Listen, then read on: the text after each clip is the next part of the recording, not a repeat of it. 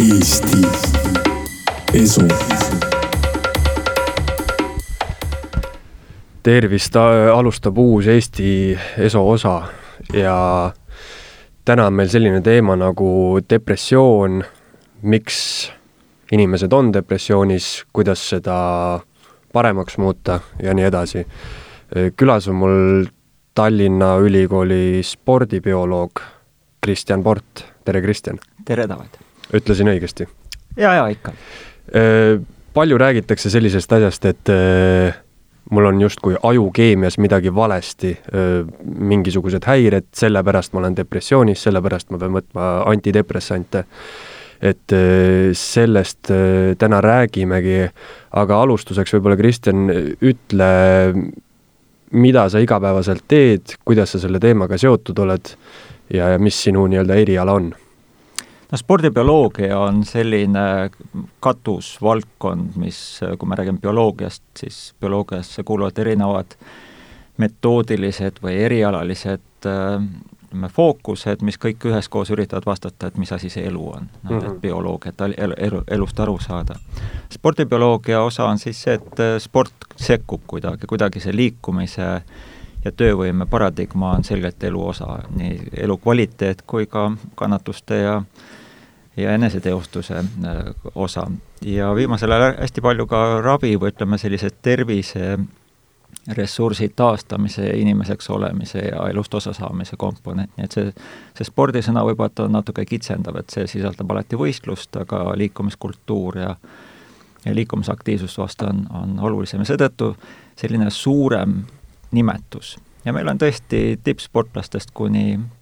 harrastajateni ja meil on just käivitunud ka näiteks Parkinsoni äh, alane äh, uuringuprojekt, kus üks osa on just äh, liikumise ja räägitakse neuroboksingust ehk Parkinsoni patsiendid pannakse poksima, et, et sellest liikumisest saab päris palju rohkem kätte, kui me seda ei käsitle ainult spordina sporti ja pigem vist äh, seostatakse justkui võistlusega, nagu sa ütlesid, eks ju, aga aga selline üleüldine liikumine on noh, paratamatult elu osa, tundub, et inimene ikkagi on mõeldud liikuma. et kas, kas inimene on nagu äh, mingi automootor, et mida, kui ei kasuta, siis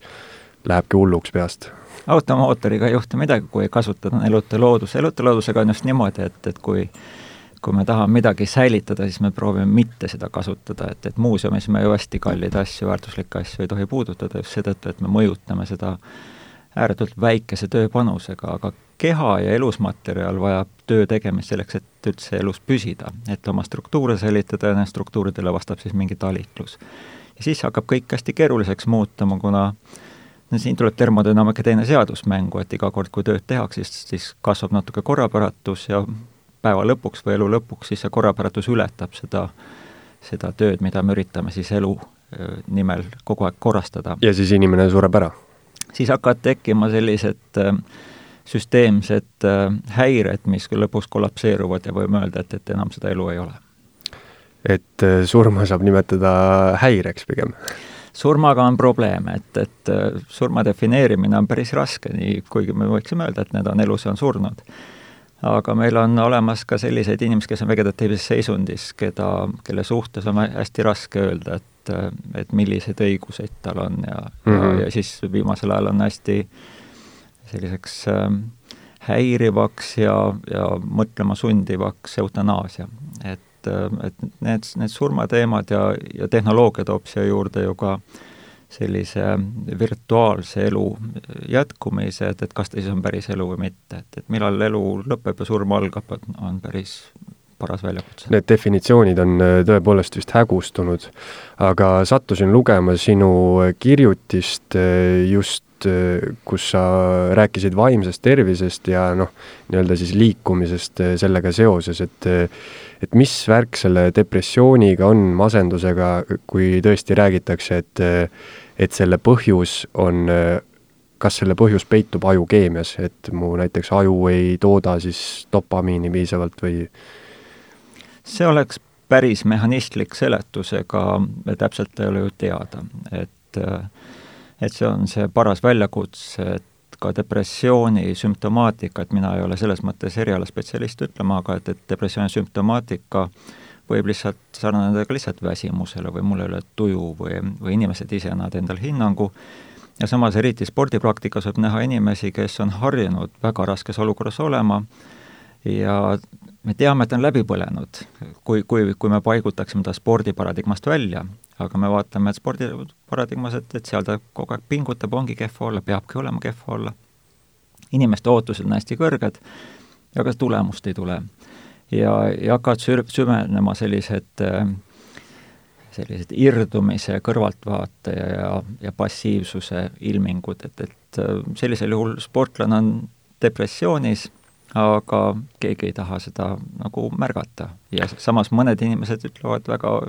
lihtsa ebamugavuse peale, et, et deprekas on peal nojah, kui me räägime täiesti tavalistest inimestest, mitte sportlastest, siis äh, ma usun, et kõik saavad aru, et, äh, et kui sa oled äh, noh, liikunud, ma ei tea, jooksnud, ujunud, mingisugust trenni teinud äh,, siis äh, kõik kindlasti tunnevad, et sul on hea olla pärast või, või selle ajal, või noh, selle ajal on võib-olla natuke raske, eks ju, äh, füüsiliselt äh, mingi pingutus, aga noh, keegi ei tule mossis näoga trennisaalist välja, et depressiooniga, nagu teame, kirjutatakse metsikult välja antidepressante, et mis sina arvad, kumb on see õigem, kumb on see õigem suund, et kas inimene äh, peaks siis minema nii-öelda mingite ravimite peale või peaks üritama kuidagi, ma ei tea, naturaalsemalt liikumisega enda aju ka terveks teha? vast ähm,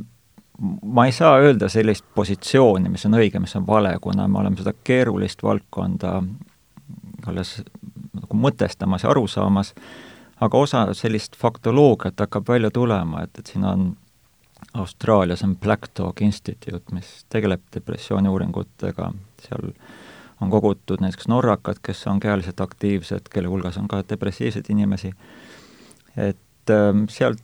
nendest uuringutest, seal on mitmed tuhande inimesega tehtud pikemaajalised uuringud, nemad järeldavad, et ähm, selline kehaline aktiivsus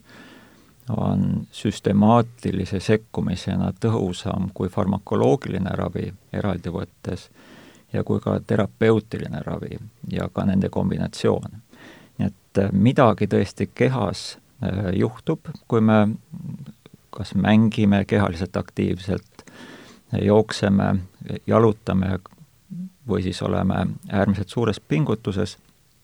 siis see ei saa olla väga selline isoleeritud nähtus, et ainult parem jalg teeb tööd. et kesknärvisüsteem, ma ei saa näppu liigutada või sõrme liigutada, kui ilma kesknärvisüsteemi kaasamata ja lisaks peab kogu seda keskkonda jälgima ja kogu seda vegetatsiooni ehk ainevahetust, mis meid elus hoiab, seda juhtima, nii et äh, paistab, et, äh, et selline suhteliselt robustne ühe neuromediaatori mõjutamine, nagu näiteks antidepressantide puhul farmakoloogiliselt tehakse, või siis terapeutiliste sekkumistega, need on kõik sellised väga kitsad võrreldes kehalise pingutusega ja ja nüüd, mida rohkem sellest spordiparadigmast väljutakse ja proovitakse seda, seda liikumisaktiivsust kasutada äh, mitte ka ainult hedonismiks ehk meele heaks, vaid just ravi eesmärgil, siis hakkavad tekkima sellised äh, huvitavad tähelepanekud, et tõesti, see ei olegi ainult sport, vaid, äh, vaid väljakutseteks, nüüd on vist juba viis või kuus ülemaailmset kongressi toimunud, kus käsitletakse sport kui ravim. küsimus on, millise diagnoosi puhul, millise doosiga ja millest ta koosnema peab, et see on meile hetkel arusaamatu või teadmata järjest rohkem sellest tõepoolest räägitakse, sest äh, selline noh, natuke võib-olla vanem arusaam on ikkagi see, et, et liikumine ja sport on eelkõige äh, füüsilisele, füüsilisele poolele kasulik, et noh, ma ei tea, siis sa venid paremini, oled tugevam, võib-olla luud ei lähe nii, nii kergesti katki, eks ju. Aga... jah, ma isegi hüppan vahele, et, et see on selline, et las noored teevad, et nad on lollid ja las nad ka kasutavad oma keha mm. -hmm. aga ma olen ise näiteks maletajatega kokku puutunud ke, kellel noh, treenerite koolitusega seoses loengut pidades just kehas toimuvast ja ajus toimuvast rääkides, tuleb kaks vanemat härrat pärast loengut Äh, ütlema aitäh, ma kunagi ei arvestanud sellega, ma mõtlesin, et lihtsalt, et sa istud, jood konjakit ja võtad kergelt suitsetad ja keskendud, et see on nagu sinu töö. aga kas see on tõsi, et äh, maletades malemänguga sa põletad metsikult kaloreid, mingi müüt vist on sellest? ei, ta ei ole müüt, see on täitsa, Robert Sapolsky näiteks on maailmas üks hästi tunnustatud neuro, neurofüsioloog või neuroloog üldiselt. ja tema hindab, et see on niisugune kuus tuhat kilokalorit võib äh, maletaja vabalt läbi põletada, aju on kõige äh, sellisem aplam kude, mis meil on, et ajust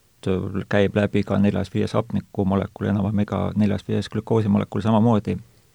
ja see on ka põhjus, mille pärast me aju ei taha kasutada ja see on ka põhjus, mille pärast me kehalist tööd tehes lõpuks saavutame niisugune automatismi, kus me mitte aju ei kaasa, vaid me teeme seda, seda tööd sellist pooltähelepanuta.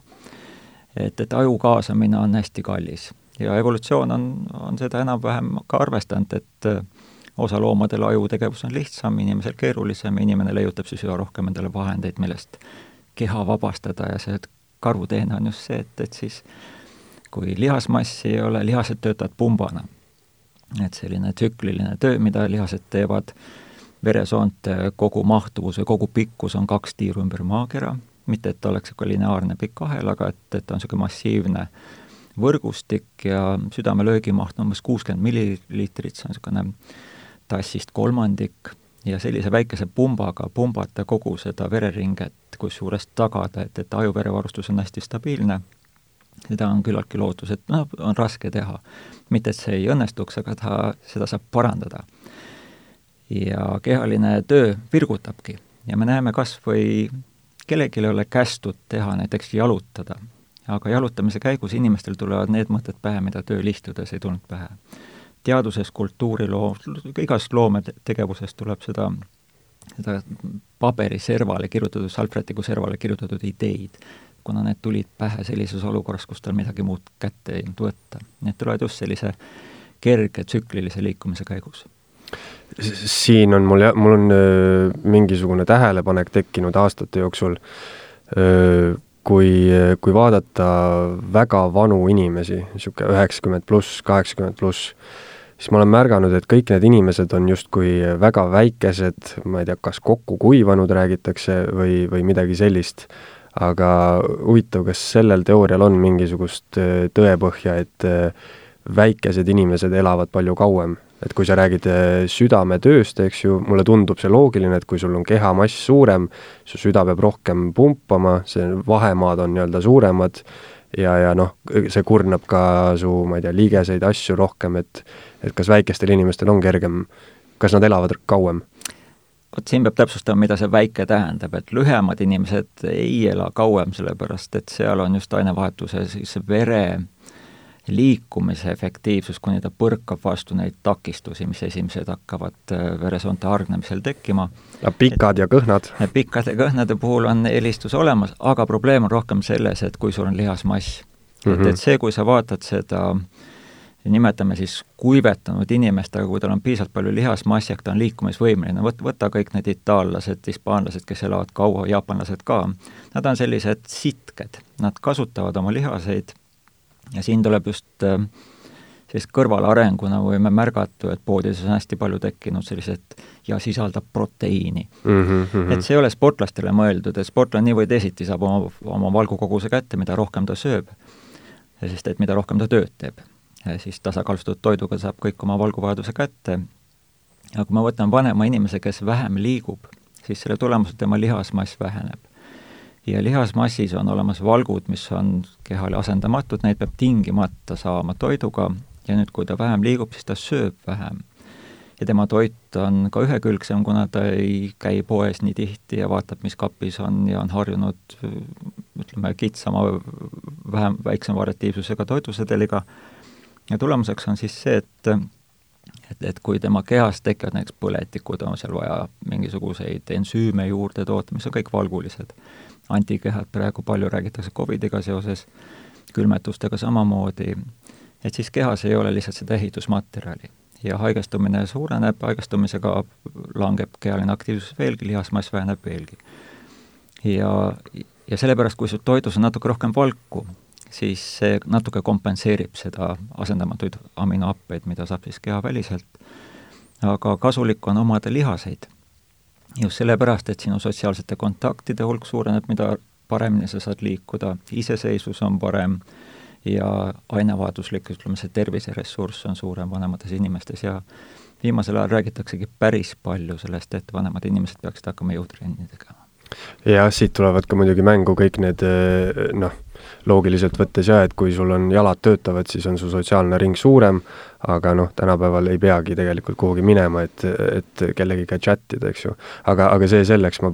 paar kuud tagasi tegin intervjuud spordiarst Mihkel Mardnaga, siis ta tõi mulle ka pika eluea saladused välja ja, ja seal neli asja oli, et igapäevane liikumine, siis alati natuke vähem söömine, et noh, selline pidev näljatunne pidi hästi mõjuma, sotsiaalne niisugune kontakt oli hästi oluline ja ma ei mäletagi, mis see neljas oli, igatahes ta tõi, ta tõi huvitava näite sellest, kuidas üks Itaalia küla, terve küla läks Ameerikasse elama ja pandi sinna kuhugi, noh, kuidagi sattusid ameeriklaste keskele ja võrreldi siis itaallaste eluiga ja ameeriklaste eluiga ja vaadati, et milles on asi, et äh, itaallased, äh, et kas nad siis joovad vähem või kas nad söövad tervislikumalt, aga ei olnud üldse niimoodi, et iga päev söödi väga rasvast pastat, äh, kõik nad jõid veini kogu aeg, kõik enamasti suitsetasid, aga neil oli just see, see perekonnaga koos elamine, see sotsiaalne, see side, et siis tänu sellele kuidagi elasid kauem aga rääkides äh, Covidist jah, siis äh, me kõik teame, et siin on noh, metsikud enesetapu arvu kasvud ja, ja asjad, eks ju, et inimesed noh, tundub, et nii palju rohkem põhjusi on, miks depressiooni langeda, aga nagu sa mainisid siis, et nüüd hakatakse vaatama liikumist justkui ravimit ja seda nagu doseerima inimestele, et et ma mõtlen, et kas siis noh, pärast trenni on mingisugune endorfiinide selline äh, pauk ajus, et sul on hästi hea olla, aga mõtlen, et eh, need inimesed, kes toovad argumendiks, et nende depressioon on eh, mingi ajukeemia eh, hälve, kas liikumine siis muudab pikaajaliselt ka ajukeemiat, et ütleme, kui sa teed võib-olla seal kuude viisi trenni, kas sinu ajus tõesti midagi muutub? muutub küll, et tegelikult aju on plastiline, ta on kogu aeg aju muutub, meie rääkimise ajal toimuvad ka terve hulk muudatusi ajus et siin ei tasu jällegi sellist mehaanikast või argielust kokku puutuv mehaanilise elu metafoore kasutada, aga, aga jah, et, et kui rääkida, siin on täitsa mitu nagu mõttelõnga võib üles korjata, et et, et mis siis seda depressiooni põhjustab, ühest küljest on selliste virgatsainete või neuromediaatorite kontsentratsiooni langus, peamiselt räägitakse serotoniinist ja, ja need antidepressiivsed ravimid suuresti on SSRI-d, mis on serotoniini sellised äh, ainevahetust äh, aeglustavad, et seda serotoniini tase nii kiiresti ajust ära ei kaoks, oleks natukenegi parem tuju. nüüd, nüüd ähm, kehalise töö tulemusel, kui me teame varasematest äh, füsioloogia õpikutest, et ajus rakke juurde ei tule, siis vast viimased viisteist, kakskümmend aastat teatakse, et kuigi kuuekümnendate lõpust hakati seda ka mõtlema, aga siis veel ei usutud seda, et äh, ajust tuleb rakke juurde ja tuleb peamiselt äh, sellisesse äh, kohta nagu hipokamp ja see on üks, üks väikene osa, kuigi seal lähedal on ka juttkeha, kuhu väidetavalt peaks juurde tulema, mis on seotud siis Parkinsonismiga osaliselt, aga see, see koht, kuhu siis neid uusi rakke juurde tuleb, on seotud meil selle lühiajalise mäluga. ja see on omakorda seotud Alžeimeriga. et kui me lühiajalist mälu pikaajalisse mälu üle ei vii, siis sellest hetke kogemusest on nii palju kasu, kui, kui me sellel hetkel kogeme. ja, ja tuleb välja, et rahulik aeroobne kestev töö suurendab seal neuro, neugeneesi ehk, ehk uute närv, närvirakkude teket, see on niisugune kolme-neljanädalane tsükkel, alguses on lihtsalt uued sellised algsed mittefunktsionaalsed rakud, kuni nad muutuvad funktsionaalseks. ja, ja seda siis võib arvatavasti käsitleda, ja lisaks, lisaks on siis sellised äh, kasvufaktorid, mida ajus äh, ainevahetust, ainevahetust stimuleerivad ja rakkude omavaheliste seoste äh, teket arendavad. et nende tase tõuseb ka koos sellise rahuliku pikaajalise aeroobse tööga ja nüüd ma hüppan ühte teise näitesse, siin mõned aastad tagasi ajakirjas Wired, mis on äh, tehnoloogia ja tehnoloogilise kultuuri vaatleja olnud juba tükk, tükk, tükk aega, ajakiri kutsus kokku seal vist viisteist, kuusteist äh, maratoni lõpetanud teadlast. seal oli arstiteadust, aga ka oli sellist rasket füüsikat, teoreetilist füüsikat, matemaatikat ja kvantfüüsikat. Ja nad kõik on maratoni lõpetanud ja seal on üks,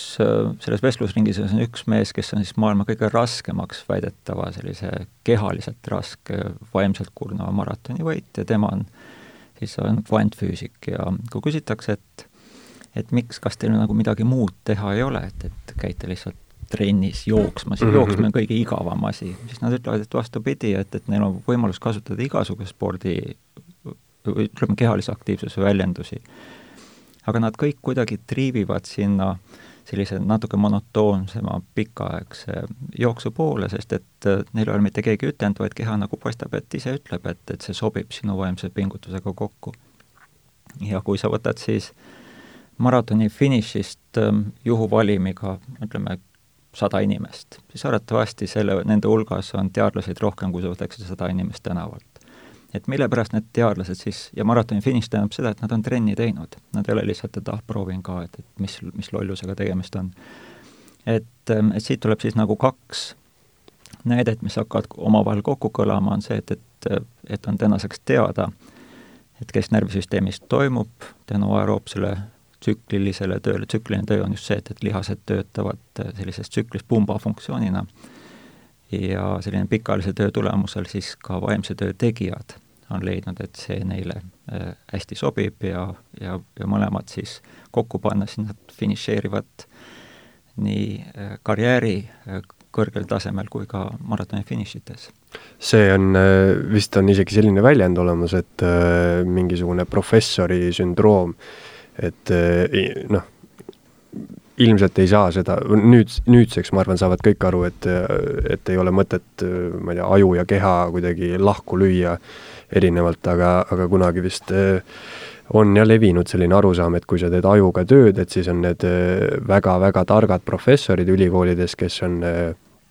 no ülekaalulised keha, keha justkui unustanud, eks ju aga tundub, et see, see asi siis hakkab muutuma. ja noh, seda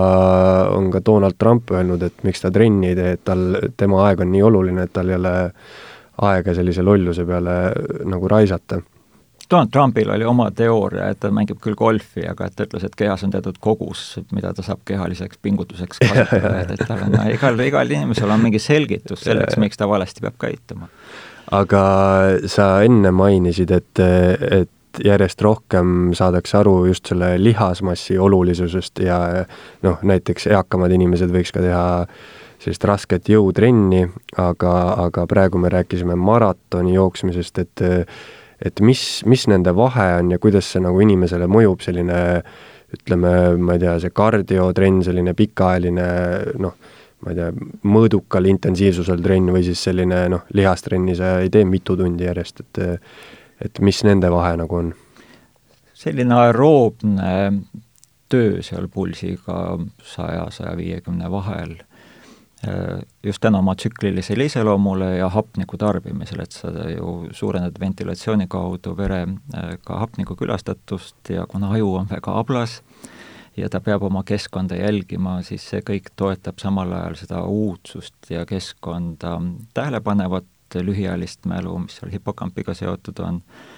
ja, ja see on ka üks põhjus, ma arvan, et Mihkli võib-olla, et üks, see neljas oli, et sa pead uute asjadega tegelema, midagi uut oma elus tooma, see on üks selline ka pikaajalisuse teguriks peetakse, et et, et see hakkab tekitama sul uusi seoseid ajus, ega nad ei teki sul mujal, peamiselt ikkagi ajus. Ja, ja need kõik teineteist toetavad ja üks teooria ütlebki ja seda toetab siis ka omapärane selline võib-olla arvutiekraaniga seotud nähtus, kus siis ähm, inimesed ei jää öösel magama, sellepärast et laine pikkus, valguslaine pikkus silma põhimikus on teatud retseptorid, mis mitte ei tekita sul pilti, vaid tekitavad arusaama, kas on päev või öö. ja kujuta, kujundavad siis sinu sellist tsirkadiaalset ärkveloleku ja magamamineku tsüklit, aga aga nüüd, kui nomaadid omal ajal, et ega me seda kaasaegset elu oleme, oleme elanud ikkagi väga lühikest aega, et nad nomaadid omal ajal liikusid toidu järele ja nad liikusid peamiselt aastaaegadega seoses. ja, ja valgusega seoses ka. ja kui valguse tsükkel pimenes, siis kehaline aktiivsus vähenes ja vähendati energiakulu, koguti rasva ja seisti ühe koha peal rohkem ja kui valguse tsükkel hakkas pikenema kevade poole, siis liiguti kaugemale, et paistab, et nii see valguse tsükkel, kui me käime siin, ma ei tea, siis veebruarikuus võib-olla kuskil lõunas vanasti praegu Covidi tõttu ei käi, tullakse tagasi, vaadatakse, et tööl kõik ülejäänud inimesed on niisugused hallid hiired, aga, aga mina, et see üks-kaks nädalat päikese käes tekitab nagu hoopis teistsuguse värskuse. ja siis, kui sa ka liigud, siis arvatakse, et üks seletus on siis see, et, et nomaadid liikusid siis uude keskkonda seal on nii uued võimalused kui ka uued ohud. selle jaoks peab peas tekkima midagi, mis äh, aitab äh, toime tulla. ja kuna ta on pikaajaliselt liikunud, siis see liikumine on aidanud aju verevarustusele ja üldse aju ainevahetuslikule toetusele kaasa ja sellest tekib siis selline sünergia, mis siis on niisugune kasulik värske efekt ja siin hiljuti tuli huvitav artikkel ka, mille pärast jaapanlased, kes elavad suhteliselt kaua ja on kognitiivselt võimekad väga hilise elu äh, vanuseni, et nemad sporti ei tee, aga nemad peamiselt, neil on väga sügavalt äh, levinud jalutamise kultuur. käiakse regulaarselt jalutamas ja mis see kõndimine siis on, see on niisugune klassikaline tsükliline pikaajaline rahulik töö, äh, mõeldes, vesteldes, märgates ja olles sotsiaalselt aktiivsed ehk alustades uusi asju, proovides erinevaid äh, väljakutseid. et see on see elust osasaamise osa ja nüüd, kui me tuleme seda tõesti nähtamatu depressiooni teema juurde, et depressiooni puhul me näeme, et inimene lülitab välja, et, et sa võid teda kallistada, lastele kommi anda, ei lähe korda, ei taha. et on üks kinnisidee, mis ajalooliselt on olnud võib-olla, et noh, et see depressiooni teema on selles suhtes huvitav, et ma hüppan jällegi natuke teise kohta, et et see esineb ka loomadel, järelikult evolutsioon on konserveerinud selle depressiooni, see ei ole niimoodi, et inimestel on ainult, ma ei tea siis, kiusuks külge jäänud, vaid esineb loomadel, järelikult evolutsiooni käigus ei ole mitte depressiivsed loomad välja surnud ega viljatuse või mis iganes vigade tõttu ei ole lapsi tootnud, vaid vaid paistab, et depressioon on siis alles püsinud erinevates loomades, inimeses kaasa arvatud ja terve hulk maailma geniaalseid teaduskunsti väljendusi on toodetud depressiivsete inimeste poolt.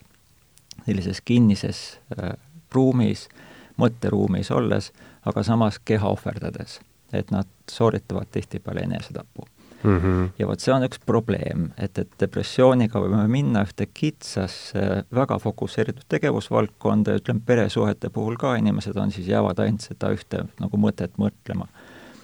ja see antidepressiivne efekt, kui me nüüd tuleme tagasi selle eelmise jutu juurde, siis paistab just selline rahulik kõndimine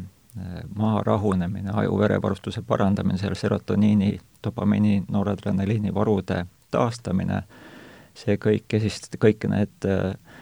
brain derived äh, neurotrophic factors või et, et ajust pärinevad neurotroofsed faktorid, et nende hulk suureneb just sellise äh,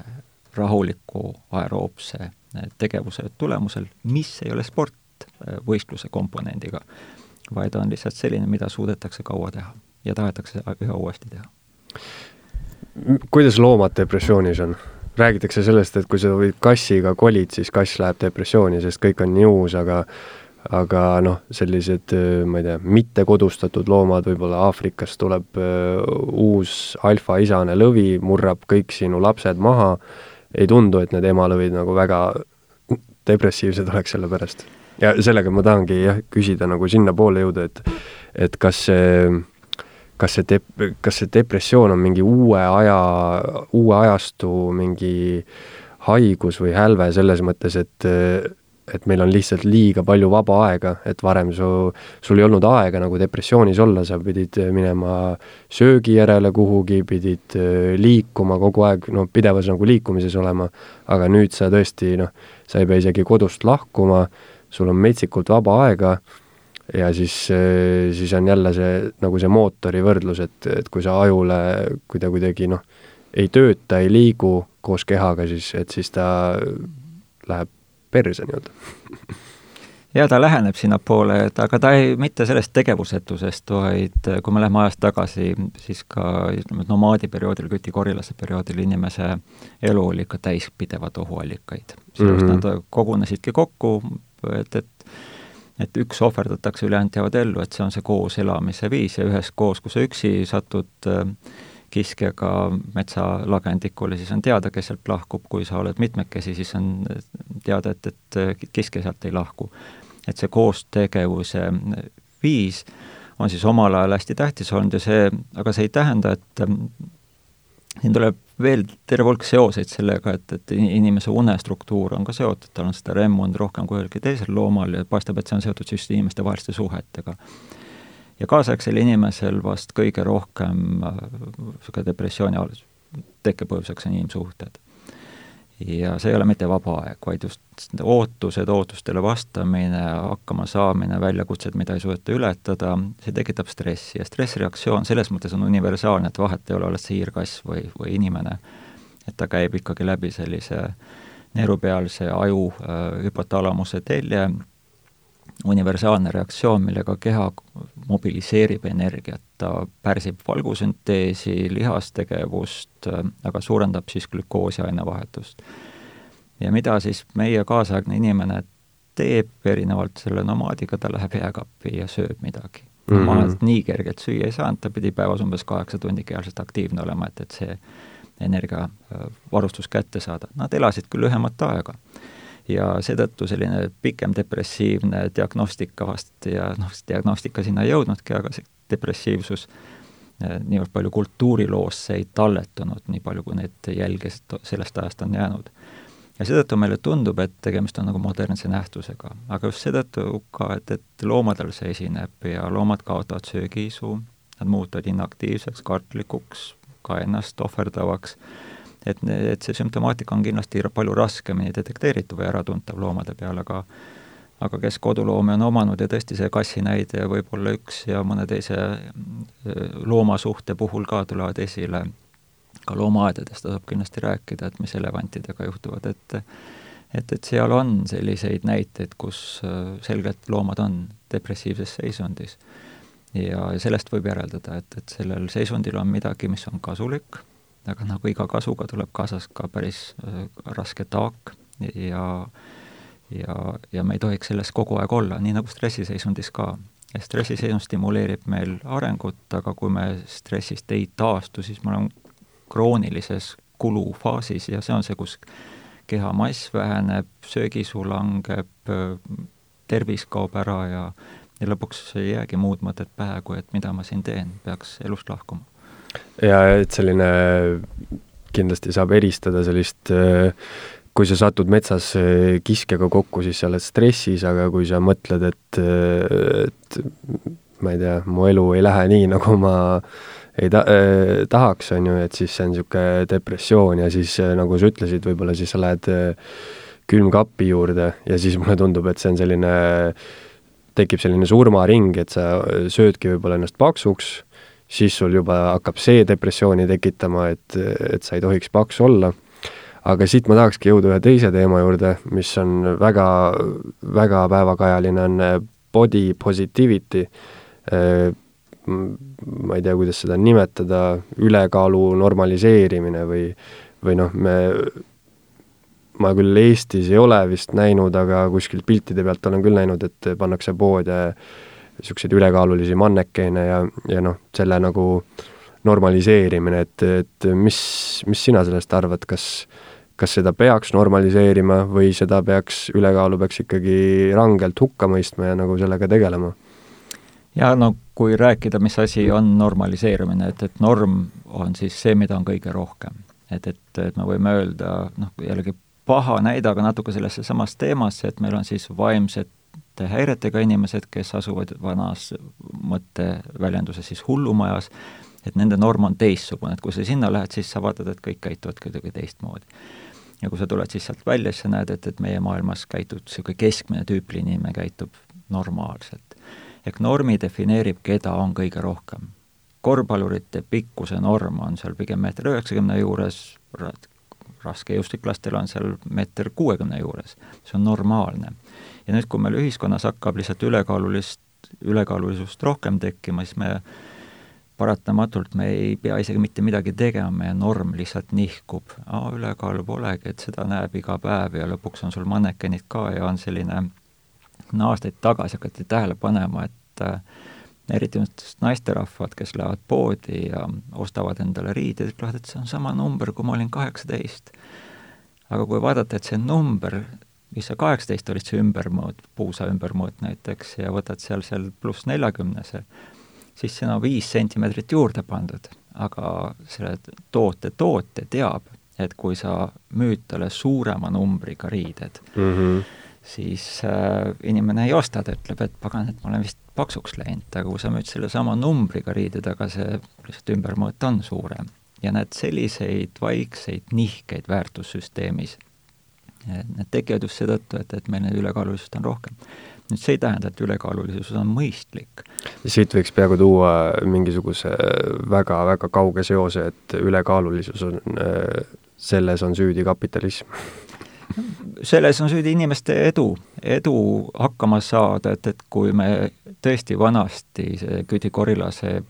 päevast umbes hinnatakse, et seitse kuni üheksa tundi päevast kulus selleks, et saada kätte see suhu pandav energia hulk,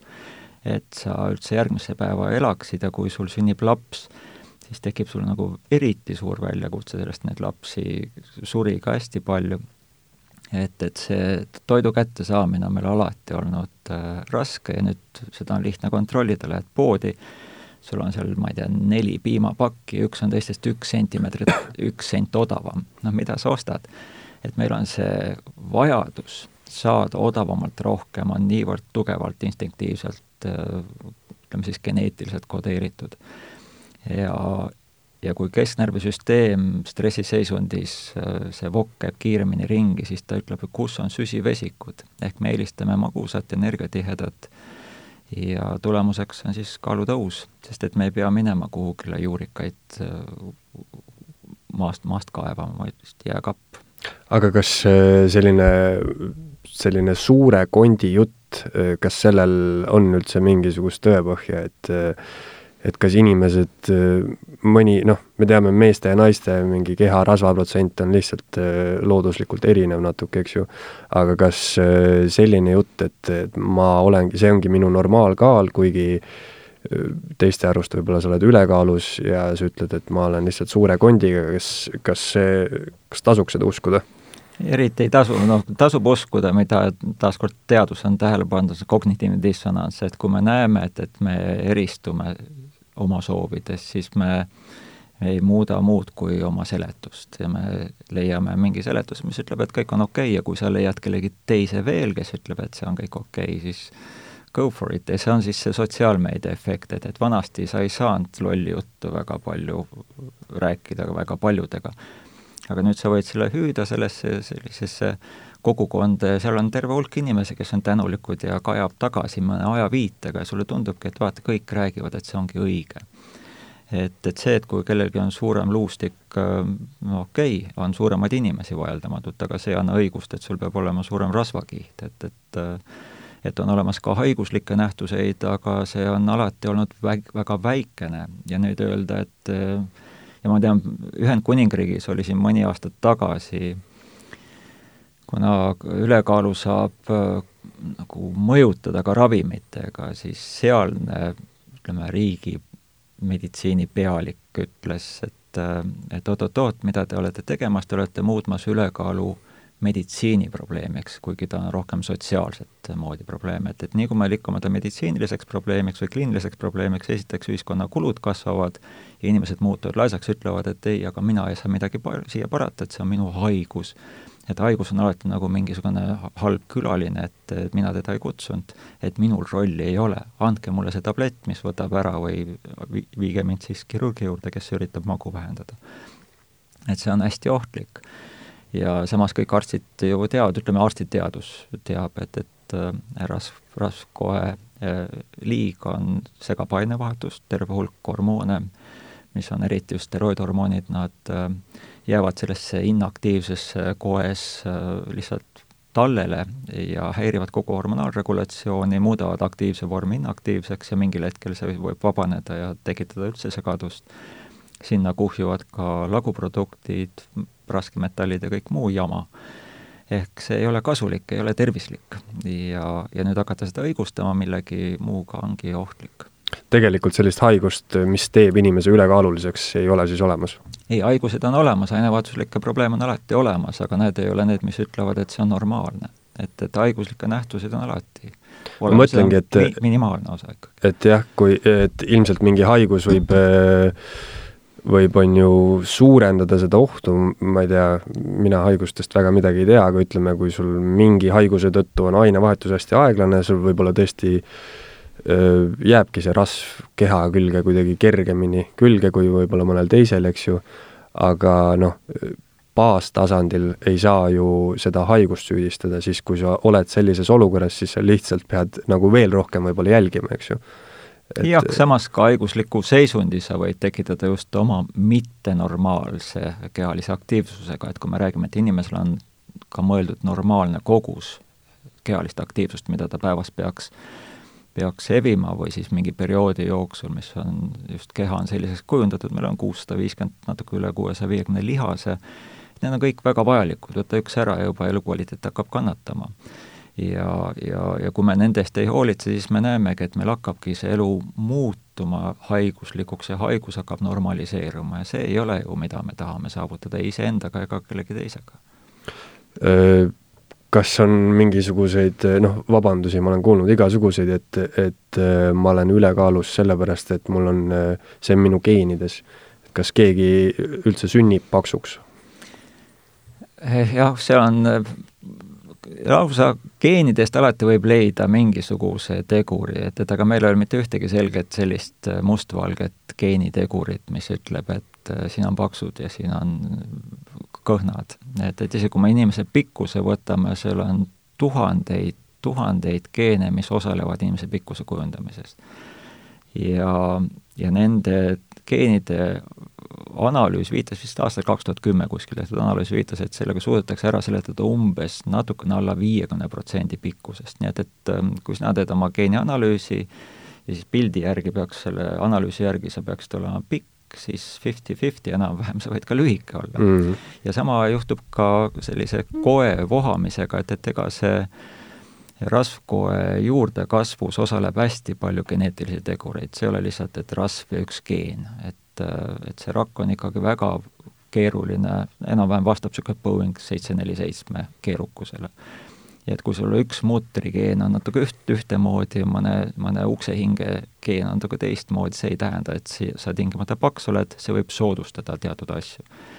aga meil on olemas siis äh, selline epigeneetika, et siis mis on geenidest väljapoole jääv osa, millest üks osa on siis kuidas see ainevahetus ise toimib, et kas sa oled aktiivne või inaktiivne ja teine on siis selline sotsiaalne dimensioon, et mida sa sööd, kuidas sa sööd isegi mis kellaajal viimasel ajal päris palju pööratakse tähelepanu sellisele ajas toitumisega noh, mõjutamisele ja siis öelda, et aga kõiges selles on süüdi, vaadake, seal nurgas seisab see üks häbiline geen või, või kaks tükki, see ei ole õige. aga ütleme, kui see on noh, evolutsiooni käigus niimoodi siin välja kujunenud, et mida liikuvam sa oled, mida noh, kergem, kõhnem, seda, seda kauem sa elad ja seda parem on sul elada, siis, siis miks on inimese ajus ikkagi niimoodi, et õhtul, kui ma võiks minna jalutama, mul on kuidagi nii palju kergem on visata ennast diivanile ja süüa pitsat? no see on sul harjumus, et ma tean inimesi, kes kes ei saa ilma ma-, jalutamata magama minna, et, et see inimene on ju õppiv süsteem, et ta on kompleksne süsteem, mis teatud asju korrates, siis see süsteem omandab teatud efektiivsuse nimel, et seda me ootame, seda peaks tegema. ja, ja me võime kas või ühe nädala võtta näiteks, et kui sa esmaspäevast ütleme siis reedeni või ütleme, pühapäeva õhtust Äh, seal neljapäevani lähed õhtul kella üheteistkümnest magama, kuna sa pead varakult üles tõusma ja reedel on siis see vaba õhtu, mis hakkab õht juhtuma sinu kella üheteistkümnel, uni tuleb, aga sa oled sünnipäeval kellegi juures, oled ja siis kõik nagu haigutavad, vaatavad korraks kella, sa võid märgata seda, niisugune kahekümneminutiline aken enam-vähem, mille jooksul seesama rütm jõuab järgi ja siis jood kohvi, räägid seal veel ja järgmiseks märkad, et kell on juba kaks või kolm. et aga see rütm tekib päris kiiresti. Ja, ja nüüd süüdistada seda lihtsalt selles, et või jällegi see sõna, et, et, et me paigutame selle kehast väljapoole, et mingisugune nähtus, mis nõuab mul nagu õhtul pikali heitmist ja pitsa söömist, et et see on harjumuse küsimus suuresti. See on vist jah, ikkagi see kuidagi see kiire mingisugune siis endorfiini kättesaamine või see on nagu kuidagi nii kiiresti jõuab sulle kohale see korraks see, see hea maitse või, või noh? jah, me ootame, et, et kuna keha on harjunud seda saama, siis keha ootab, aga ma klaariks selle endorfiini jutu ka ära, et, et äh, endorfiini molekul on päris suur ja seda on tõesti aastate jooksul nimetatud, et, et see pingutuse tulemusel sul nagu vabaneb endorfiine, endogeensed morfiinilaadsed ühendid ja need seletavad ära, mille pärast sul hea on olla. mis, mis asjad on jah siis endorfiin, dopamiin, serotoniin, mis nende vahe on? nooradrenaliin, need on kõik, see ka iin lõpp viitab ka aminopelisele mm -hmm. päritolule, aga et, et need kolm viimast, need on niisugused virgatsained või siis virgats on selles mõttes, et liigub ajukeskuste ja rakkude vahel ja, ja korraldab infovahetust, et nemad ise ei tee midagi, nad ütlevad, mida peaks tegema, erinevad koed siis reageerivad erinevalt, et kui kui ma ei tea, siis praegu tuleks tuletõrje siia ukse taha, ütleb, et maja põleb, et ega ega siis meie ei hakka tuld kustutama, me lihtsalt läheme majast välja, see informatsioon on küllaltki oluline. ja, ja, ja need ained siis edastavad teatud sõnumeid, kuidas need rakud peavad oma ainevahetust korraldama. ja endorfiinid, endogeensed morfiinilased ühendid, mis tõesti ajus ka eksisteerivad, on seotud siis muuhulgas ka sellise valu vähendamisega, et, et tõesti, kui sa oled kehalist pingutust teed, oletame, et sa võitled seal mõõkambulise tiigriga, üritad elus püsida, tema sind armustab, sa ei ütle, et oi, sa tegid mulle haiget, ma enam ei mängi sinuga, vaid sa pead seda, sellest jagu saama. ja juhul, kui sa ellu jääd, siis on nagu väga okei okay,, aga sa ei taha uuesti selle tiigriga kokku, kokku saada. aga pärast seda su kehas tekib meelehea tunne ja see meelehea tunne on arvatavasti seotud sellega, et sa ei kardaks tulevikus uuesti tegelikult hakkama saada. ja teatud tegevus nendes kehalise pingutuse tulemusel ka, et, et sellest on sul kasu olnud toidu hankimisel või enda päästmisel või millegi muu kasuliku tegemisel, et sa seda hakkaksid kordama, ja seda on ka seotud siis endorfiinidega. aga nüüd mõned aastad tagasi, kuna on alati teada olnud, et, et endorfiin, mis kehas tekivad, need ei saa aju aju, nad ei jõua, nad ei ületa seda vere ja aju vahelist barjääri, see on niisugune väga karm piirivalvur seal. et suur hulk ravimeid ka sinna kohale ei jõua. ja oli teada, et see, need molekulid sinna ei jõua, aga ikkagi see efekt on olemas, et, et ajus endas olevad enda, endorfiinid võivad seda tekitada, aga seda, see ei seleta ära seda pingutuse järgset kehas tekkiva endorfiini lainet ja siis saadi aru, et tegemist on arvatavasti endokannabinoididega ja kannabinoidid on viimasel ajal hästi popp teema, see on siis, legaliseeritakse üha rohkem. Ja nende endokannabinoididega on siis pandud tähele, et USA-s sellises Boulderis, kus on hästi populaarsed maratonid, mägikuurortid, nii edasi, kus legaliseeriti varem, siis sportlased on tähele pannud, et kui nad kannabist kasutavad enne pingutust või pärast pingutust, siis see meelehea efekt on suurem ja kestvam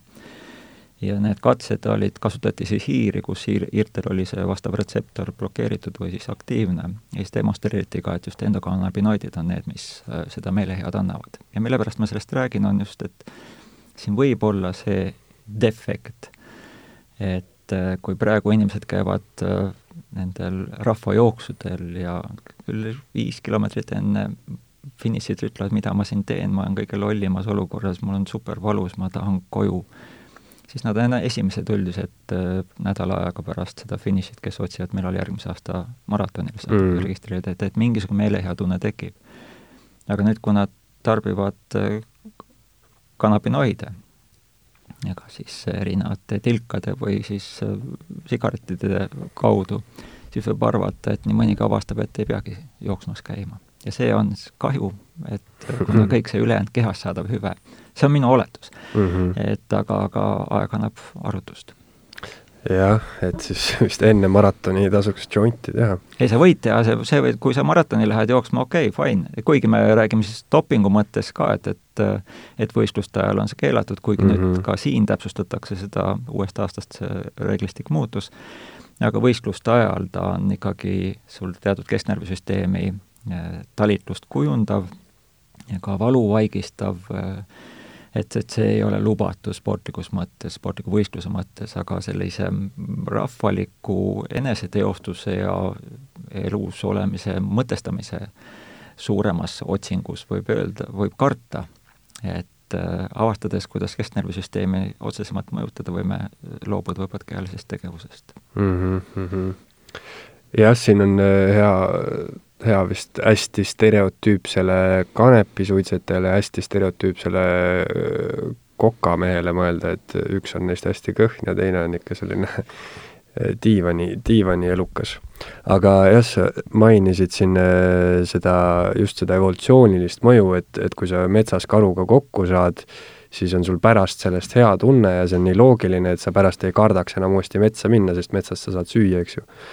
aga, aga just sellest ülekaalulisusest äh, rääkides on ka, et äh, et ütleme noh, kuna nüüd on ülekaalulisus äh, järjest tõuseb kogu aeg, siis varem oli võib-olla tõesti, et et kui on väikeste laste klassis on niisugune üks paks poiss, siis teda metsikult narritakse, nüüd on neid võib-olla pool, siis selline narrimine kaob ära, aga kas see kas seda, ma mõtlen, et kas see on nagu päris õige seda nagu õeluseks nimetada, et kas sellel ei ole ka mingisugune evolutsiooniline efekt, et kui sa näed noh, visuaalselt näed ülekaalus inimest, siis see kuidagi evolutsiooni pärast sa ei taha temaga kokku puutuda või noh, ta on, tundub sulle nõrk, võib-olla mitte hea paariline, vähema elueaga, mitte nii aktiivne ohuolukorras näiteks see on sinu esitatud hüpotees, et ähm, evolutsiooniliselt, kui keegi oli paks ja me teame Indiast, kus on väga kehv toitlustus äh, olnud suurte masside jaoks, ülekaal on olnud rikkuse tunnuseks. aga see tundub mulle just pigem niisugune sotsiaalne jaa, aga ta ongi, ta kajastab ikkagi, unustame selle India korraks ära, aga lähme natuke lihtsamasse sotsiaalsesse struktuuri, et mm, -hmm. et mhm. kui keegi on ülekaaluline, ju ta siis saab rohkem süüa, ju ta oskab seda paremini teha ja mis, mis iganes, et et ma ei usu, et, et tegemist on lihtsalt ülekaalu äh, põhise eristumisega, vaid me otsime märke, mis ütlevad, et äh, inimesed on teistsugused kui meie mm. -hmm. ja, ja meil on vaja neid grupikuuluvusi, et oo, meil on korvpallurid ja jalgpallurid sakivad täiega, et, et, et, et ülekaaluliste ja mitte ülekaaluliste vahel, ühtedel on ühed kaubamärgid, teistel teised, need on need põhjused, mille pärast me seda grupikäitumist, kuna laste käitumine on väga habras, oskamatu ja julm, et, et seal vast see tuleb rohkem esile ja täiskasvanutena me tolereerime või normaliseerime seda ülekaalu vaikivamalt huvitav, kas seda on ka uuritud, äh, ütleme, kumb töötab inimeste puhul paremini, kas nii-öelda lihtsustatult piits või präänik, et et kas see, kui äh, võib-olla sulle heidetakse ette sinu kehakaalu, kas see paneb sind näiteks õhtul pitsa asemel jalutama või, või see, kui sulle öeldakse, et, et ära muretse, kõik on korras, et kas sa siis nagu kuidagi ise tuled selle peale? Ei ole nii lihtne, et siis meil oleks ju lihtsalt üks, ma ei tea, president kuulutaks aastavahetuse kõnes välja, et kõik ülekaalulised olete lollid ja vastikud ja võtke ennast kokku. et neid teooriaid on kolm-neli erinevat teooriat, millega üritatakse seletada seda motivatsiooni muutust mm -hmm. inimestes, et mis põhjustab käitumise muutust ja nad seletavad ära umbes pool kogu käitumismuutusest. ja nad ei ole samasugused vanematele ega noortele inimestele, et vanemate inimeste puhul on selline äh, tervisekaotuse teadvustamine oluline, aga nad ei tee ikkagi, me näeme täiskasvanud, kes on ülekaalulised ja kes on mingid muud inaktiivsed, nad teavad, nad ütlevad, tahaks, oleks, saaks, teeks. aga miks nad ei tee? trigger või see päästiksündmus puudub mm. -hmm. Neid tuleb kas Google'il lükata, ma ei tea, siin veel mõni aeg tagasi oli äh, ettevõtete suvepäevad, kus inimesed said proovida midagi uut ja siis nad avastasid, jalgrattaga sõit polegi kõige hullem, et aga nad ei olnud kunagi ise seda jalgratast endale hankinud või kõndimas käinud, mis iganes, et neil on vaja päästiksündmust. nüüd teisel poolel noorte puhul nad ei käsitle ju seda terviseriski, et, et, et so what, et mul pole midagi viga, et ma võin põletada ennast. aga neil on siis selline peer group või, või sihtrühm, kelle suhtes nad ennast häälestavad, üks sihtrühm on vastikud lolli, lollid ja kaabakad ja teine on see, kelle järgi siis võiks joonduda. ma ei mäleta, mis eesti, uus eestikeelne sõna on nendest Youtube'i äh, mõttekujundajatest ja suunamudijad. jaa, okei okay,, jah, suunamudijad, et need, igalühel on mingi oma suunamudi ja mm -hmm. siis mhm. osa hakkavadki sellele vastata, et milline on tema peer group. Ja siis ta peab vaatama, et, et kas tal on takistusi selle teostamiseks, et mõnikord on vaja, mul ei ole selliseid riideid, järelikult ma ei saa seda teha, ja siis ta hakkab ennast, tekib see kognitiivne dissonants, kus ta hakkab õigustama, mille pärast ta ei saa selles grupis olla ja siis ta leiab, et või vaat see grupp sakib täiega, siis ta läheb viskab ennast teisele poole. et, et selles suhtes inimene ikkagi suht keeruline nähtus. aga siis ta teeb endale ikkagi karuteene, eks ju, kui ta hakkab õigustama, sest noh, võib-olla mingi impulss on olemas, et ma ei tea, ma tahaks kuuluda sinna gruppi, kus on näiteks kõhnad inimesed, aga, aga kui see nõuab mingit pingutust, siis ta leiab mingisuguse vabanduse või noh, mis iganes asja peas ja tegelikult ta siis ikkagi surub selle impulsi alla või, või jah, see kognitiivne dissonants õigustabki ennast äh, mitte tegema seda, mida ta tahaks teha mm, -hmm. et, mhm. et, et ega ta ju ei ei ütle, vaid ta leiab seletuse, miks ta ei pea seda tegema. ma mäletan, mõned aastad tagasi me tegime koolides uuringu, kus me saime aru ka, et, et osa neid, kes ei spordi, nad ütlesid, nad spordiksid juhul, kui näiteks ei peaks võistlema või sportima ei peaks koolimaja juures, et nendel olid sellised takistused et aga nad tahaksid seda kehalisest, keha kasutavas mängus osaleda. siis me näemegi, et kuidas sellisest klassikalisest spordist, kus on reeglid ja eesmärgid, tekib sellise radikaalne eristuv äh, sport, kus siis reegleid on vähem ja ennast kus kõigile antakse auhind? kus kõigile antakse auhind, aga auhind on hinnanguline, et, et need on kõik sellised äh, need benžihüpetest kuni rula ja kõige muuni, kus siis jooksvalt mõeldakse välja, mis, mis siis on ägedam, mis ei ole ägedam, aga aga me ei ole sportlased, ärge meid sportlasteks pidage, vaid me oleme ikkagi omaette grupp. aga nad kasutavad kõik keha. Ja siis sa näed, kolmandat huvitavat gruppi on on need, kes arvutimänge mängivad, et vaata, millist arvutimängu sisu on, see on tohutu erakordne kehaline pingutus, mis seal ekraani peal on ja, ja noh, meil on need peegelneuronid või midagi, mis meie kesknärvisüsteemis siis kaasa töötab sellega, et, et ja see võimaldab inimestel, näiteks puuetega inimesel tõesti ennast teostada, tunda vähemalt sellel hetkel sellise ägeda töövõimelisena, aga kuna ta on ka kõigile ülejäänutele samasuguse efektiga, siis me näemegi, et, et lapsed eelistavad, ah, mis ma sinna välja ikka lähen, et et see lävend on niivõrd madal ja tunnustus on niivõrd kõrge, mida sellest mängust saab omavahel rääkides, siis hakataksegi ütlema, et, et sport ei ole üldse mulle. ja see on see sõna, see sport ise on kitsendav siin, et, et kui me rääkisime liikumise erinevatest vormidest, siis siis äh, e-sport on nüüd üks silming sinna juurde. seda mulle seoses arvutimängudega, mulle rääkis üks tuttav kunagi, kes äh, on pokkerimängija, siis ta rääkis ka, et see on äh, kuidagi halvasti mõjunud talle, et, et need pokkeri, noh, kui sa raha peale mängid, kui sa sellest elatud, on ju, siis et siis sa vaatad, arvutil kogu aeg on väga pingelised seisud, raha on mängus, et siis tekib sul see fight or flight efekt kogu aeg, aga samas noh, kehaliselt sa lihtsalt istud öösel arvuti taga, on ju, aga kogu aeg oled selles nii-öelda selles stressiseisundis, et et võib tekkida mingi selline ärevus või noh, midagi läheb seal paigast ära. Jah, keha vajab selle pingutusega seoses, ka pingutuse järgselt, tihtipeale me võime ju teha pantomiimi, et milline on inimene, kes on närvis. no ta ei istu rahulikult pingi peal, vaid ta tõuseb püsti ja on niisugune animaalne, et liigub edasi-tagasi, nukid on valged ja aga ta ei ütle midagi, et, me oleme nii mõndagi direktorit ju näinud, et kes, kes on lihtsalt selle pinge tõttu tõttu ta ei saa muud teha, kui peab liikuma. Ja see on mm -hmm. evolutsiooniline just, et, et see, see liigutusega ainevahetus paraneb ja, ja noh, kui siin vahe, vahenäide oli, et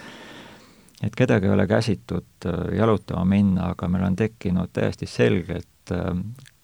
püstise seisuga või siis kõndimise koosolekud. Koosolekutel täiesti on ka demonstreeritud erinevatest istuvast koosolekust, kus süüakse küpsiseid ja vaadatakse, et üks mees räägib ja igaüks on oma telefonis, siis see seisev koosolekuruum, aega kulutatakse vähem, mõtteid on rohkem, küpsiseid ei söödagi ja, ja minnakse oma tööle tagasi, seda kaotatud aeg on palju väiksem. ja veelgi täpsem või parem, efektiivsemaks osutub siis kõndimisega. et minnakse jalutama, seal on ainult see grupp, kes omavahel suudab koos rääkida, sinna ei ole väga palju inimesi vaja, ja see efektiivsus on parem. ja siis kui ma küsin, mis, mis värk on, siis tegelikult on see liikumisest tulenev. Ja mulle tuleb meelde, kas Stanfordi ülikoolis, ma ei mäleta, kas kaks tuhat neliteist kuskil oli see uuring tehtud, kus andi siis inimestele kognitiivseid harjutusi või testülesandeid, kus ta pidid lahendama nii kiiruse kui ka leidlikkuse ülesandeid. ja inimene oli siis neljas seisundis, üks oli, et ta pidi parki jalutama, tehti neid teste, siis ta viidi keldrisse igavasse ruumi äh, jooksu või kõnnilindi peale jalutama, tehti samasugust testi lihtsalt, et see pargi keskkond teda ei mõjutaks, siis viidi ta ratastooliga parki. lihtsalt, et vaatame, et ta ei kõnni, lihtsalt istub, aga keskkond on stimuleeriv ja siis viidi sinna igavasse ruumi laua taha istuma. niimoodi siis äh,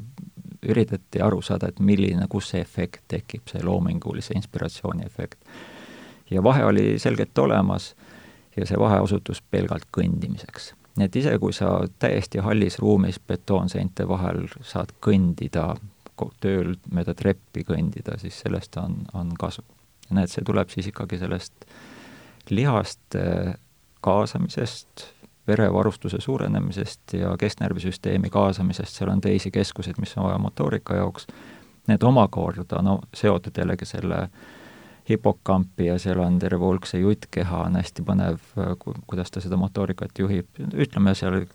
aju keskosas, kui neid pilte vaadata, seal käib kõva signaliseerimine. ja samal ajal, kui sa lihtsalt ise koha peal ot-, ist-, ühe koha peal istud ja mõtled asju välja, see signaliseerimine asub hoopis igavamalt paigutub. Siis jah, no see istumine tundub ikka siis eriti kahjulik ja istumisega on meil seotud ikka väga palju asju, kogu haridussüsteem, väga palju sellist administratiivset tööd ja, ja kõike, eks ju no me tahame energiat kokku hoida, et kuna meil on üks õpetaja mitmele õpilasele, siis see on kõige efektiivsem viis energiat kokku hoida, et ürita nende, need lapsed liikuma panna ja neli-viis õpetajat nende rühmade peale ära jagada, me teame, et tulemus on parem mm. -hmm. aga ta ei ole nii kulutõhus. Ja huvitav, kas tulemus oleks parem, kui lihtsalt panna ka seisma õpilased? jah, kindlasti on, sest õpilastele kehka tund ju meeldib ja nendele jääb meelde omavahel räägitud juttudest sealt rohkem kui matjatunnist et, et äh, ka, ka pelgalt seismine on, on see, no rääkimata sellest, et kui öeldakse, et tõuse püsti, siis su tähelepanu ka keskendub, miks ma püsti tõusen, see on nagu mm. mitu komponenti mm. -hmm. Sii-, võib-olla on ka see seos, et, et räägitakse, et et nii-öelda suitsupausil tehakse tegelikult kõik äritehingud, et justkui nagu selleks ette nähtud koht mingi koosoleku laua taga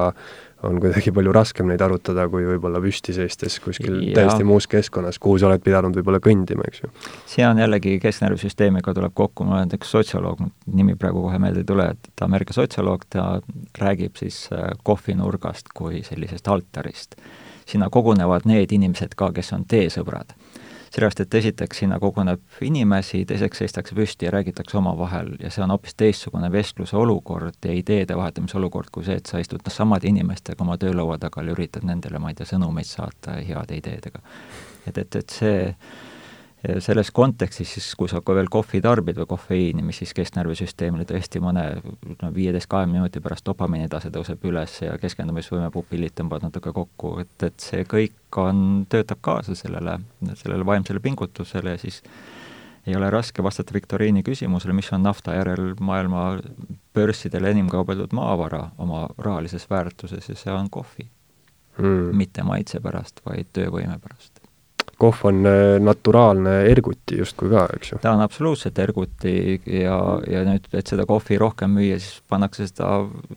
energiajookide sisse, et mm, -hmm. et, mhm. et mõnedele kohvi maitse ei meeldigi, et loomade peal tehtud katsed loomadele üldiselt kohvi ei maitse. aga inimesed on õppinud lastele ka väga ei maitse, nad õpivad seda maitset seostama selle töövõimega seotud ja keskendumisvõime ja sellise kerge eufoorilise seisundiga seotud meeleheaga ja e, energiajook on ju kofeiin pluss suhkur põhimõtteliselt vist, eks ju, see on nagu topelt, topeltlaks enam-vähem. Ühte teemat natuke küsiks veel lõpetuseks, et, et sul oli ööülikoolis oli üks huvitav loeng sellest, et igavesest elust põhimõtteliselt, et et kuidas sa ise näed, Kristjan, kuhu poole me liigume, kas me liigume, kas eluaeg järjest-järjest pikeneb seoses tehnoloogia arenguga või, või on sellel ikkagi mingisugune looduslik piir ees, et kas ütleme, mingi aja pärast kas inimesed elavad saja viiekümneni või, või lõpmatuseni või, või sellel on ikkagi see, see, kus me praegu oleme, seal kuskil kaheksakümne juures võib-olla?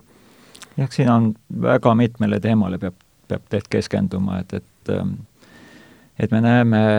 enesetappude arv kasvab seal vanemate inimeste hulgas, eutanaasiast rääkimata. et, et kui me arvame, et me tahame väga kaua elada, siis see, see vanus tuleb juurde sealt tagumises otsas, kus meie kognitiivne võimekus, kehaline võimekus on on poole tee peale maha jäetud ja, ja selles seisundis inimesed ei taha väga kaua olla, nad ütlevad, kõik on samasugune, ma poes ei saa käia, sotsiaalset kontakti ei ole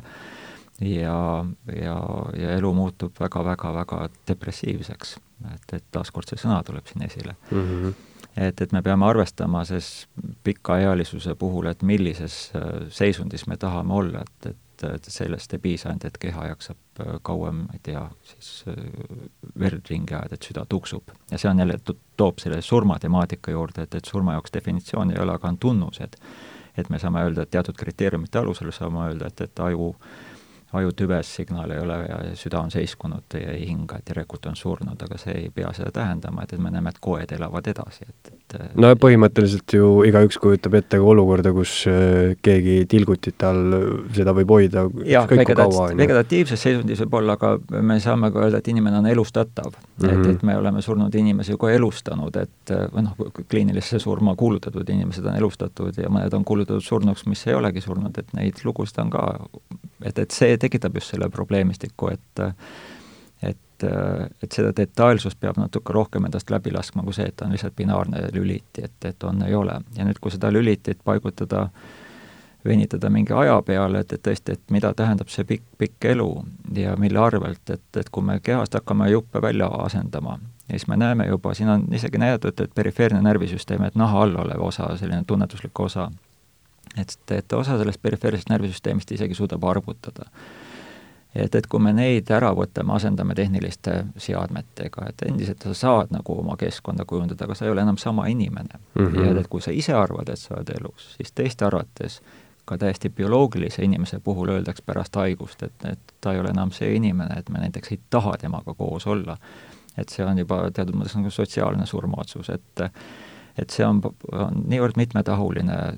temaatika, aga, aga jah, bioloogiliselt paistab, et on olemas niisugune sada viisteist, sada kakskümmend on see, kus enam-vähem on, on kellad, et, et et seal on terve hulk arvatavasti just termodünaamika teisest seadusest tulenevaid asjaolusid, kus see entroopia lihtsalt kasvab ja komplekses süsteemis lihtsalt hakkavad üksikud asjad jukerdama. et selles mõttes, ma ei tea, kas see on õige, et iga mingi seitsme aasta tagant on kõik rakud välja vahetunud kehas? jah, materiaalne baas meil vahetatakse ümber, aga ehitus, kui ma olen üliõpilastele pakkunud, et, et kes tahab arvestuse jaoks saada seal, et, et kirjutate ühe A4 lehekülje ümber aga ühtegi viga ei tohi teha, et, et siis keegi ütleb, okei okay,, okei okay,, ma oleksin nõus, et, et aga siis ma ütlen, oot-oot-oot, ma lõpetan ära, et sa pead seda kakskümmend korda ümber kirjutama, täpselt sedasama, et sa oskad seda juba kirjutada, aga ikkagi ühtegi viga ei tohi tekkida. ja tekib siis kerge nagu kohmetus, et ei, ei, ei, et, et see kakskümmend korda küll, aga et see vea tõenäosus ei tule enam üle, üliõpilasest, vaid ta tuleb lihtsalt paratamatust sellest mm -hmm. tõenäosuslikust ruumist. ehk shit happens, nagu öeldakse, et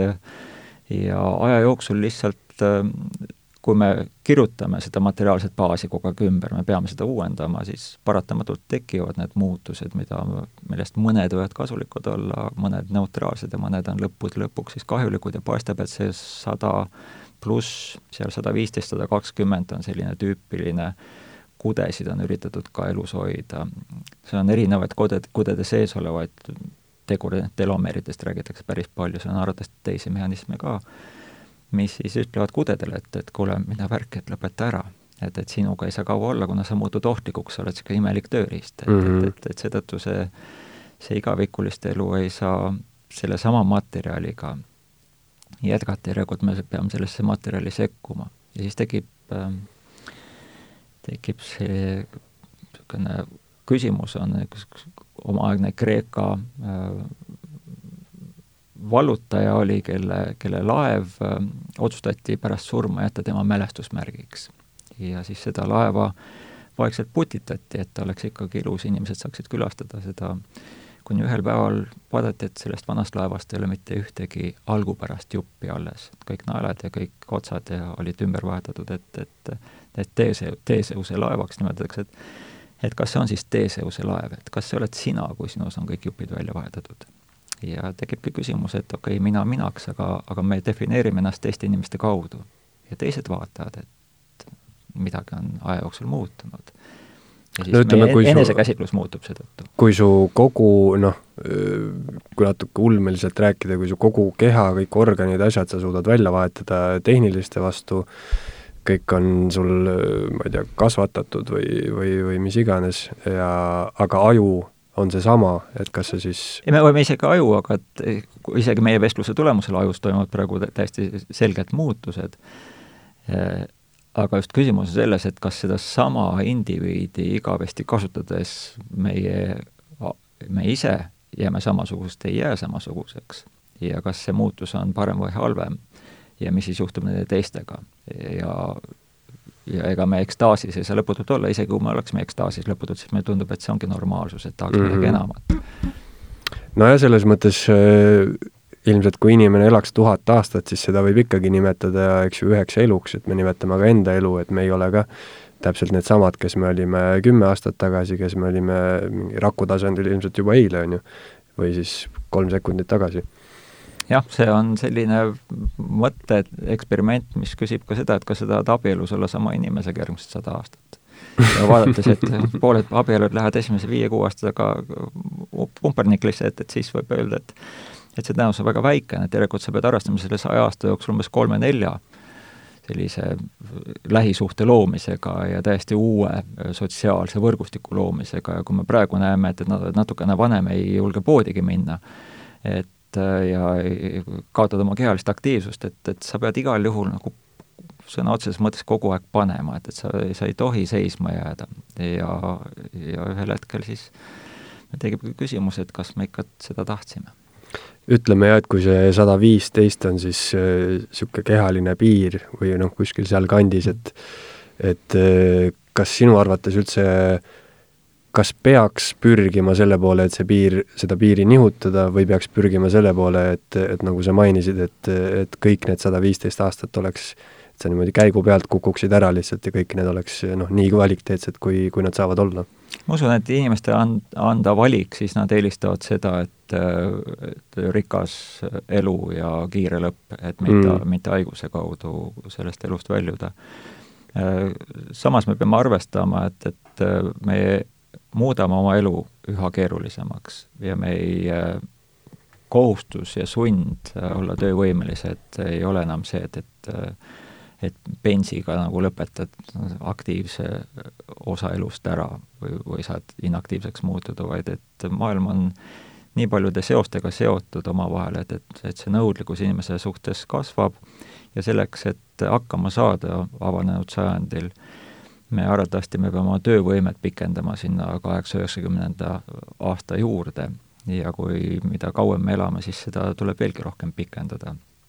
et et äh, selles suhtes nagu eluea pikendamine on peaaegu et paratamatu. et seda keerukust äh, ülal hoida, mida me ise kogu aeg loome. või siis äh, tekitame ise, mille kohta on siin mõned head mõtlejad ka ütelnud, et, et see risk selliseks tõsiseks eksistentsiaalseks katastroofiks kasvab kogu aeg meie enda tegevuse tulemusel ja mis siis juhtub inimesega kui kompleksse süsteemiga, kellel on insult, et ta muutub vägagi beebiks, ta hakkab uuesti väga ettevaatlikult toimetama, juhul kui ta ellu jääb. ja pole välistatud selline korrektuur. ja ma mõtlesin just sellise mingi evolutsioonilise väljavenimise peale, et ütleme, kui mingil hetkel on võib-olla keskmine eluiga on sada kakskümmend, et, et huvitav, kas siis hakkavad muutuma ka sellised asjad, et millal näiteks lastel tekib teismeiga, et siis võib-olla võib-olla see, mida me praegu peame nagu kahekümneaastaseks inimeseks, võib-olla ka see nagu hakkab nihkuma ja inimesed hakkavad veel aeglasemalt üles kasvama.